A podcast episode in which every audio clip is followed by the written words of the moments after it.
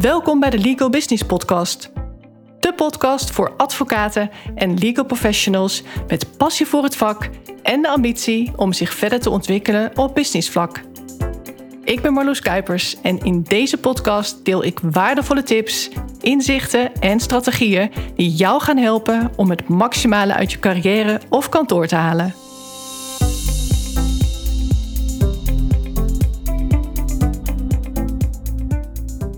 Vandaag ga ik het met je hebben over geld.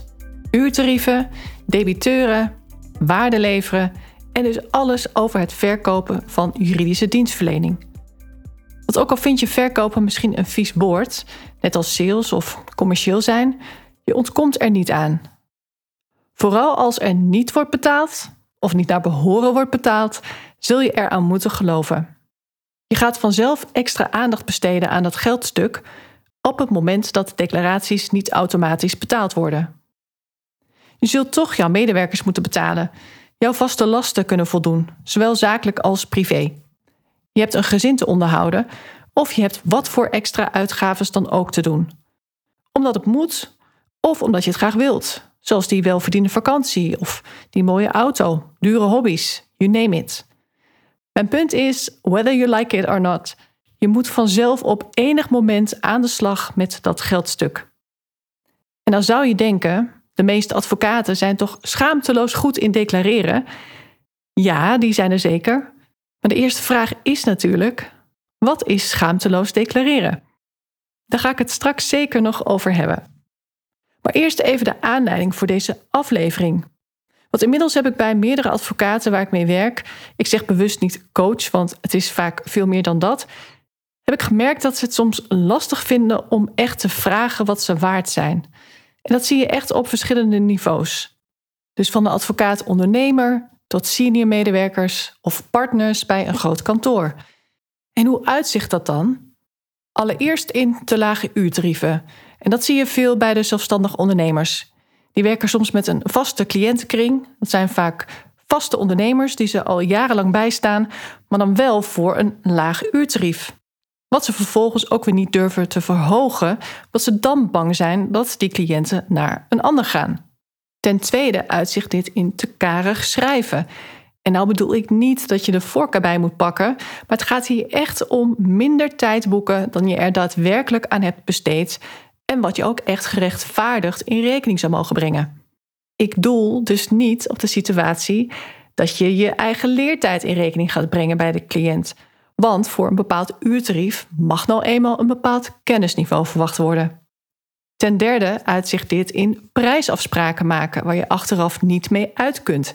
En dat is dus geen eenmalige miscalculatie, maar echt herhaaldelijk handjeklap afspraken maken die altijd in jouw nadeel blijken te zijn. Je snijdt jezelf dus steeds in de vingers met die afspraken, waardoor je vaak uren voor niks hebt gewerkt. En tenslotte uitzicht dit bij het daadwerkelijk declareren. Sommige advocaten die schrikken op een moment van uitdeclareren van het totaalbedrag. En die vinden het dan soms zielig dat een kleine ondernemer of particulier een paar duizend euro moet betalen. Toch een hoop geld, zeggen ze dan. En dat is het natuurlijk ook. 1000 euro is altijd veel geld als je het niet afzet tegen wat je ervoor krijgt. Doe je dat wel, dan kan 1000 euro veel te duur zijn of juist een koopje. Declareren is dus voor veel advocaten lastig en een uitdaging. Bij meerdere kantoren kijk ik ook echt met de medewerkers mee naar hun declaratiegedrag. En dan komen ze vaak tot interessante inzichten. En blijkt dat ze een money mindset probleempje hebben soms. Om die veelgebruikte term maar even te noemen. Ze hebben bepaalde overtuigingen op het gebied van geld wat hen als advocaat in de weg zit. Wat er bijvoorbeeld aan ten grondslag kan liggen, is dat ze van huis uit gewend zijn aan opmerkingen als: Jij verdient als advocaat bakken met geld. Of dat nou zo is, is maar de vraag. Want heel veel advocaten verdienen helemaal niet zoveel, namelijk. Maar dat is wel het imago van advocaten. En eigenlijk is het ook niet zo relevant. Het gaat er dan om wat er met die opmerking bedoeld wordt en dat is vaak, jij hebt het maar makkelijk. Ik niet. Een advocaat-ondernemer in mijn jaartraject vroeg voordat wij gingen samenwerken echt een veel te laag uurtarief. Zoveel unieke expertise en meer dan 15 jaar ervaring. Ze had ook niet de leukste cliënten. Er werd echt heel veel beslag op haar gelegd. Ze werkte toen ook nog grotendeels op toevoegingsbasis. Haar uurtarief hebben we in stappen verhoogd. Ook is het percentage toevoegingen drastisch verminderd. Om wat flexibiliteit te houden in haar uurtarief heb ik haar geadviseerd om een vanafprijs op haar website te plaatsen. Met een vanafprijs schik je bepaalde mensen die je graag wilt helpen, ook al is het voor een wat lager uurtarief niet af, maar heb je wel de vrijheid om andere afspraken te maken bij bijvoorbeeld spoedzaken en zaken met een groot financieel belang. En daar liep ze laatst tegenaan. Een vermogende cliënt meldde zich bij haar in een spoedzaak en had haar uurtarief op haar website gezien. Toen nog geen vanafprijs. Haar tarieven zijn inmiddels al flink verhoogd met zo'n 40 tot 65 procent. En dat was nodig ook. Ze heeft er geen cliënt om misgelopen. En al zou dat wel zo zijn geweest, dat is helemaal niet verkeerd. Zolang je maar genoeg cliënten hebt die wel voor jou kiezen. Die wel zien dat ze bij jou ook in de beste handen zijn. Iemand die alleen op prijs selecteert, die wil je toch niet, want dat zijn vaak niet de leukste cliënten. Dat merkte zij ook de afgelopen jaren. Dus dat hogere uurtarief, maar nog steeds gangbaar, zorgt meteen voor een mooie voorselectie. Waar ze recent tegenaan liep is een cliënt die haar factuur niet betaalde. Hij stond al een paar maanden open. Het ging om de procedure in eerste aanleg. Terwijl ze inmiddels al aan het hoge beroep was begonnen. Tja, dan moet je toch streng gaan worden en het gesprek aangaan met de cliënt. En dat vond ze lastig. Allereerst is het belangrijk om echt tijdig te factureren. Dat klinkt logisch, maar best veel advocaten doen dat toch niet. Die doen dat niet echt aan het begin van elke maand. En ook is het heel belangrijk om strikt te zijn met het debiteurenbeleid. Echt tijdig die betalingsherinneringen eruit. Mensen die jouw declaraties niet kunnen betalen, hebben de boel vaak niet op orde. Ze vullen vaak het ene gat met het andere of geven het simpelweg geen prioriteit. De graadmeter is in mijn ogen altijd hoezeer doet de cliënt zijn of haar best om bijvoorbeeld een betalingsregeling te treffen. Als dat van tevoren niet is afgesproken, dan is dat natuurlijk niet oké. Maar er kan zich iets hebben voorgedaan waardoor dit nu de enige manier is. Maar als een cliënt het overduidelijk zelf ook heel vervelend vindt, dan is een goede betalingsregeling vaak ook niet zo'n punt, mits zij natuurlijk keurig wordt nagekomen. Wat wel een probleem is, is de situatie wanneer zo'n cliënt niets van zich laat horen. En jij er als advocaat als het ware achteraan moet vangen. En dat was ook het geval bij die advocaat hè, die ik begeleid. En dat is toch een teken van gebrek aan respect vanuit de cliënt. Nou, dat besefte die advocaat dus ook. En toch vond ze het lastig om dat gesprek aan te gaan. En toen vroeg ik aan haar: waarom vind je dat zo lastig? Nou, het is meteen een mooi voorbeeld van waarom coachen soms toch echt nodig is om verder te komen. Want op zo'n punt als dit heeft een strategie er doorheen drukken. Hè, bijvoorbeeld eh, als ik zou zeggen, joh, je moet die cliënt gewoon bellen of schakel maar een incassobureau in. Dat zou gewoon geen effect hebben.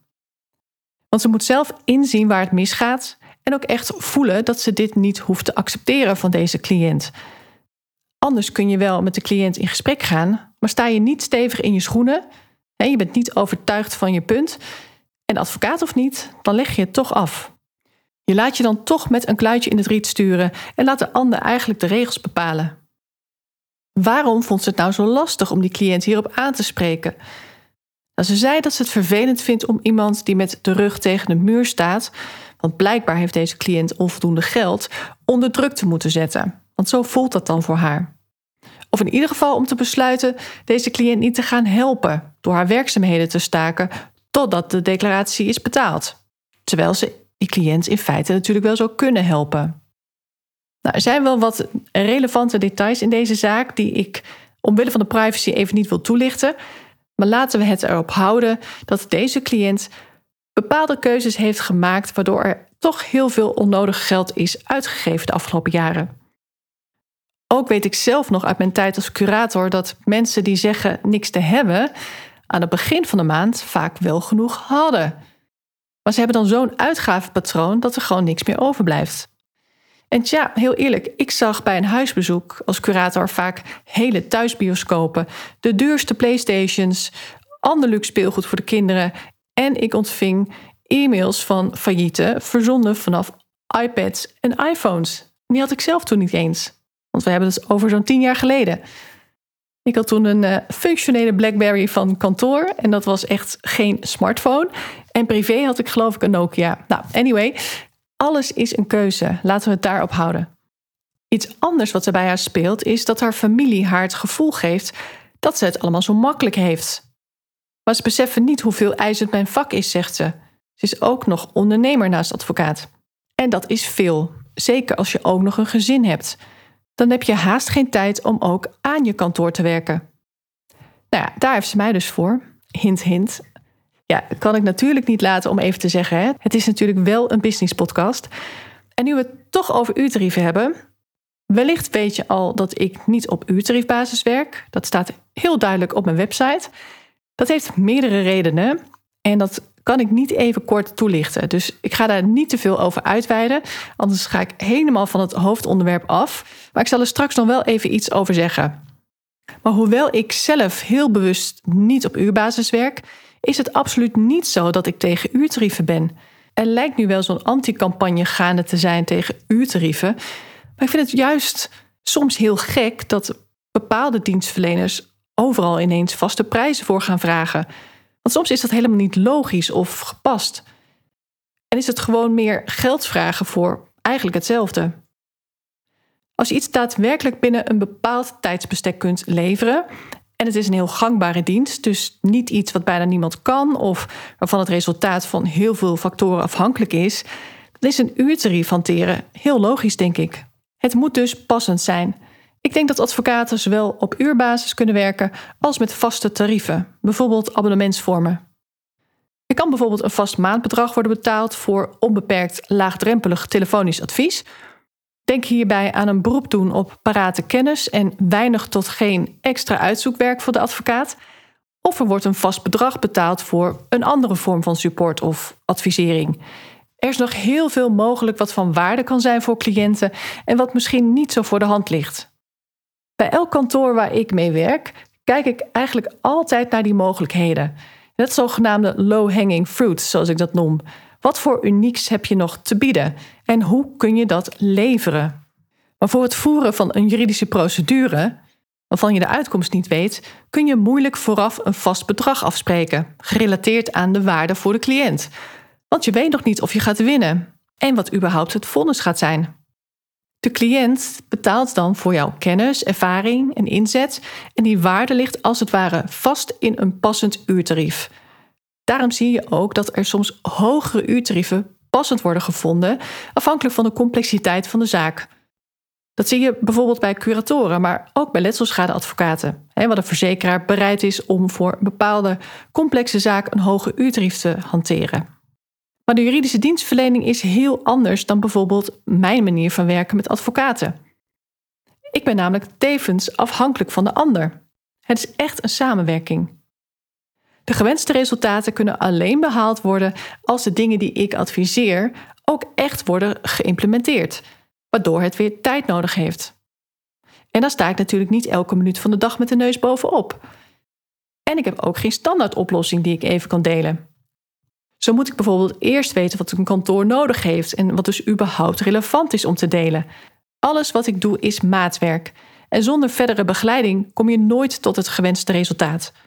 Want het gaat juist om het veranderproces. Hoe stuur je je bij? Welke keuzes maak je? En daarbij verwacht ik dus van de advocaten of bestuurders waar ik mee werk een actieve rol. Het is geen consultancy zoals in de ICT-sector zo gebruikelijk is. Stel, ik ben een ICT'er, ik kom invliegen om een softwareprobleem op te lossen.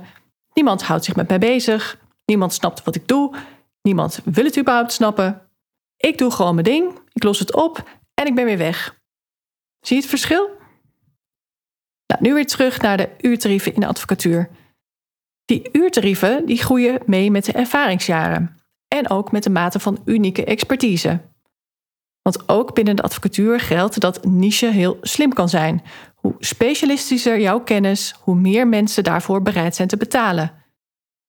De integere advocaten die vinden het vaak lastig om te bepalen wat nou dat passende kennisniveau is. Want waar leg je de lat?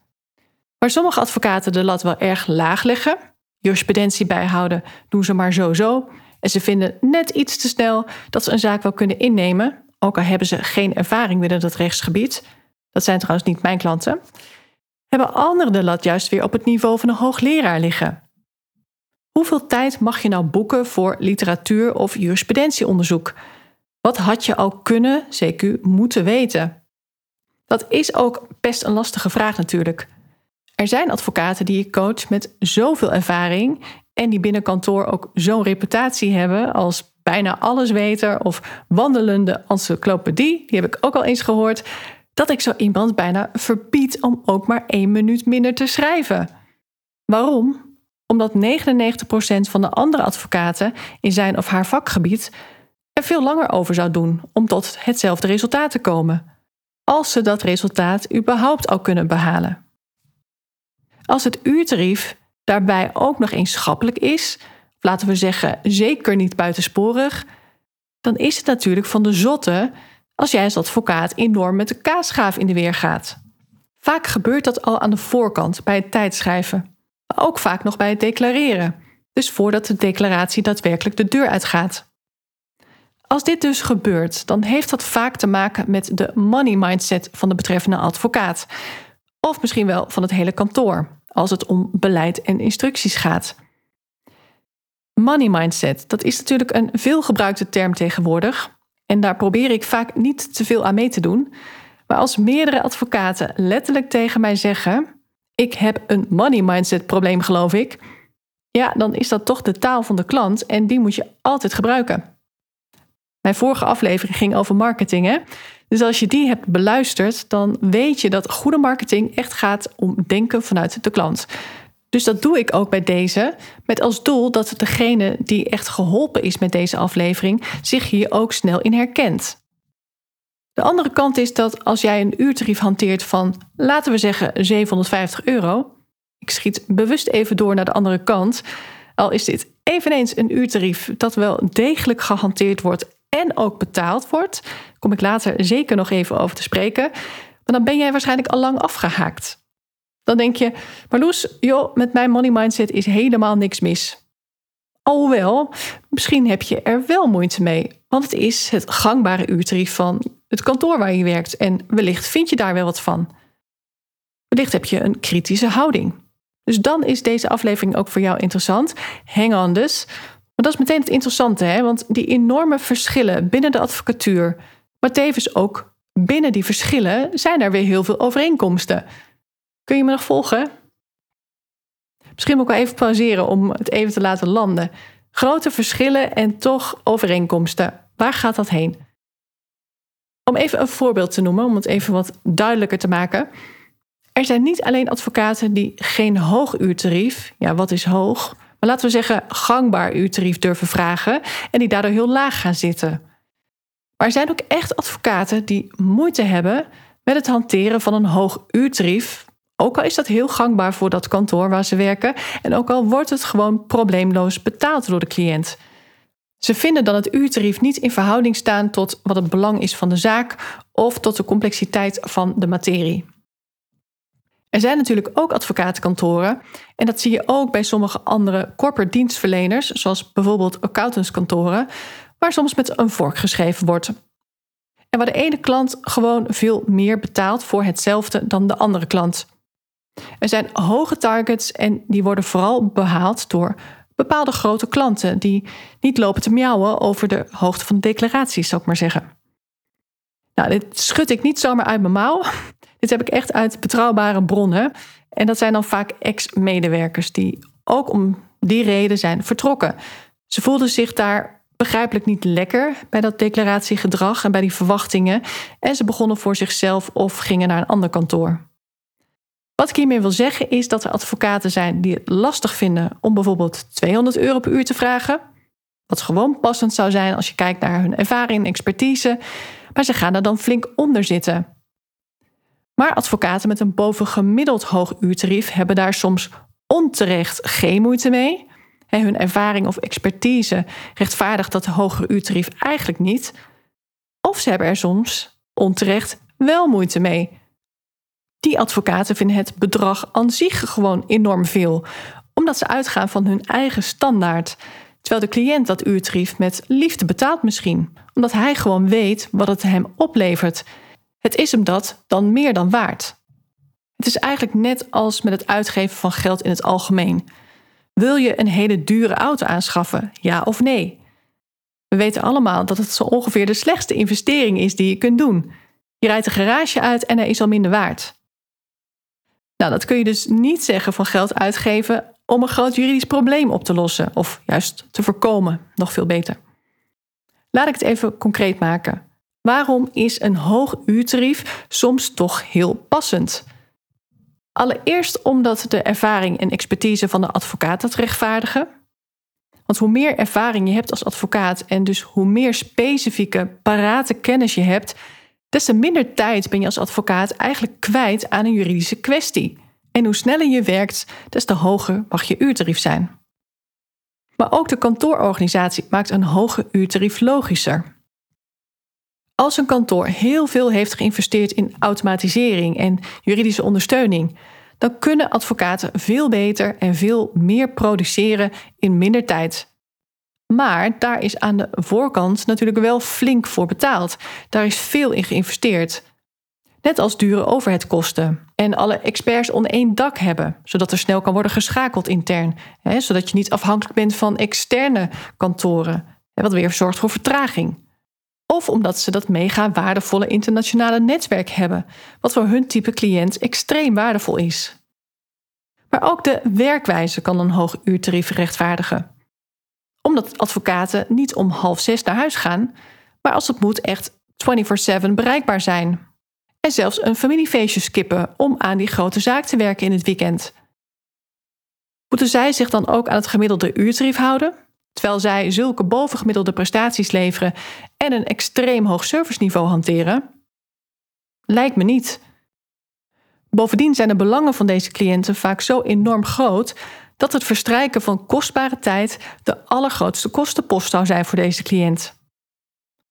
En dat zou nou exact gebeuren als die zaak over het weekend heen getild zou worden. Maandag bent u de eerste, zeg maar. Ja, een uurtarief zegt daarom niet zoveel. Ik zei aan het begin al dat ik het nog even zou hebben over een uurtarief van bijvoorbeeld 750 euro. Laatst was ik op een feestje en hoewel ik geen advocaat meer ben en vrienden ook heel goed weten wat ik nu doe, wordt er grappig genoeg nog heel vaak gezegd: zij is advocaat. En dan vaak plagend zo van: pas maar op, zij is advocaat. Of ga maar met haar discussiëren. Succes, dat win je toch niet van een advocaat. Dat soort dingen. Nou, zo ging dat ook nu. En al vrij snel kreeg ik voor de voeten geworpen dat advocaten toch wel lekker makkelijk binnenlopen met die exorbitante uurtarieven. Nou vertelde deze man mij dat zij als bedrijf maar liefst 750 euro per uur betalen aan een Zuidaskantoor, waar ik de naam natuurlijk niet van ga noemen. Het was natuurlijk klaag, klaag, klaag, dus toen zei ik: Waarom ga je dan naar dat kantoor? Er zijn toch genoeg goedkopere alternatieven? En toen zei hij tegen mij: ja, ze zijn ook wel erg goed hoor. We hebben zulke complexe vraagstukken en zij hebben echt overal een antwoord op. En ook echt zelf alle expertise in huis, waardoor ze snel kunnen schakelen. Dat zie ik een ander kantoor niet zo snel doen. En ja, heel eerlijk, ze winnen ook alles voor ons. Kijk, dat bedoel ik dus. Wat is duur? Wat is een hoog uurtarief? Voor die man die ik sprak was 750 euro per uur echt veel geld. Zoveel geld dat hij het er met mij uitgebreid over ging hebben. Ook al zag hij mij voor het eerst. Maar toch was het hem dat geld waard. Want mensen betalen niet voor jouw tijd, maar voor wat het hen oplevert. Voor de waarde van jouw tijd. Misschien is een advocaat met een uurtarief van bijna 300 euro, wat ik best vaak zie, verhoudingsgewijs wel duurder. Zij doen bijvoorbeeld niets bijzonders. Huistuin- en keukenzaken, zal ik maar zeggen. Ze hebben zelfs geen mooi kantoor. Geen personeelskosten. Ze doen alles online. Ze werken zelfstandig, dus er gaat vaak ook geen tijd verloren aan jurisprudentiebesprekingen en interne overleggen. Dat is dus appels met peren vergelijken. ook al is het binnen dezelfde branche. Ik doe er nog even een schepje bovenop. Als deze advocaten zelfs administratieve werkzaamheden gaan declareren op basis van advocatentarief, dan zijn ze zelfs veel te duur en eigenlijk niet zuiver aan het declareren. Zo kun je er ook naar kijken. Het is dus een interessante discussie. Wat is nou een passend uurtarief? Als ik je één ding heb willen duidelijk maken, dan is dat wel dat er geen eenduidig antwoord is. Je kunt met 180 euro nog flink te duur zijn en met 750 euro per uur precies goed zitten, of misschien wel goedkoop zijn. Als jij als advocaat in één uur kunt doen waar een ander vier uur voor in de literatuur en jurisprudentie moet duiken, om dan ook nog met een niet al te hoogstaand juridisch advies te komen, en al die uren natuurlijk volledig doorbelast, dan weet jij wel wat je waard bent per uur. Ben jij benieuwd wat ik denk dat jouw expertise waard is per uur? Of wat de mogelijkheden zijn om jouw unieke expertise ook in een ander verdienmodel te gieten? Laten we het er dan eens over hebben. Stuur me een bericht en ik denk graag eens met je mee. Als je de outro even afluistert, dan hoor je op welke manieren je mij kunt bereiken. Dankjewel voor het luisteren. Mocht je deze podcast waardevol vinden, abonneer je dan of volg mijn podcast zodat je geen aflevering hoeft te missen. En deel hem ook vooral in je netwerk. Ook zou je mij een groot plezier doen met een 5-sterren review die je kunt achterlaten op iTunes. Niet alleen wordt de podcast dan beter gevonden, maar je helpt ook weer andere advocaten en juristen in hun reis naar succes en geluk. Uiteraard vind ik het leuk om te horen wat je meeneemt uit deze aflevering. Stuur me een bericht op LinkedIn of mail naar info.marloeskuipers.nl. Heb jij bepaalde ambities en wil je weten hoe ik jou zou kunnen helpen bij het verwezenlijken daarvan? Vraag dan een gratis meesterschapscall aan via mijn website Ga naar www.marloeskuipers.nl. Alle informatie vind je ook in de show notes bij deze aflevering. Ik kijk er naar uit om van je te horen. Tot de volgende keer.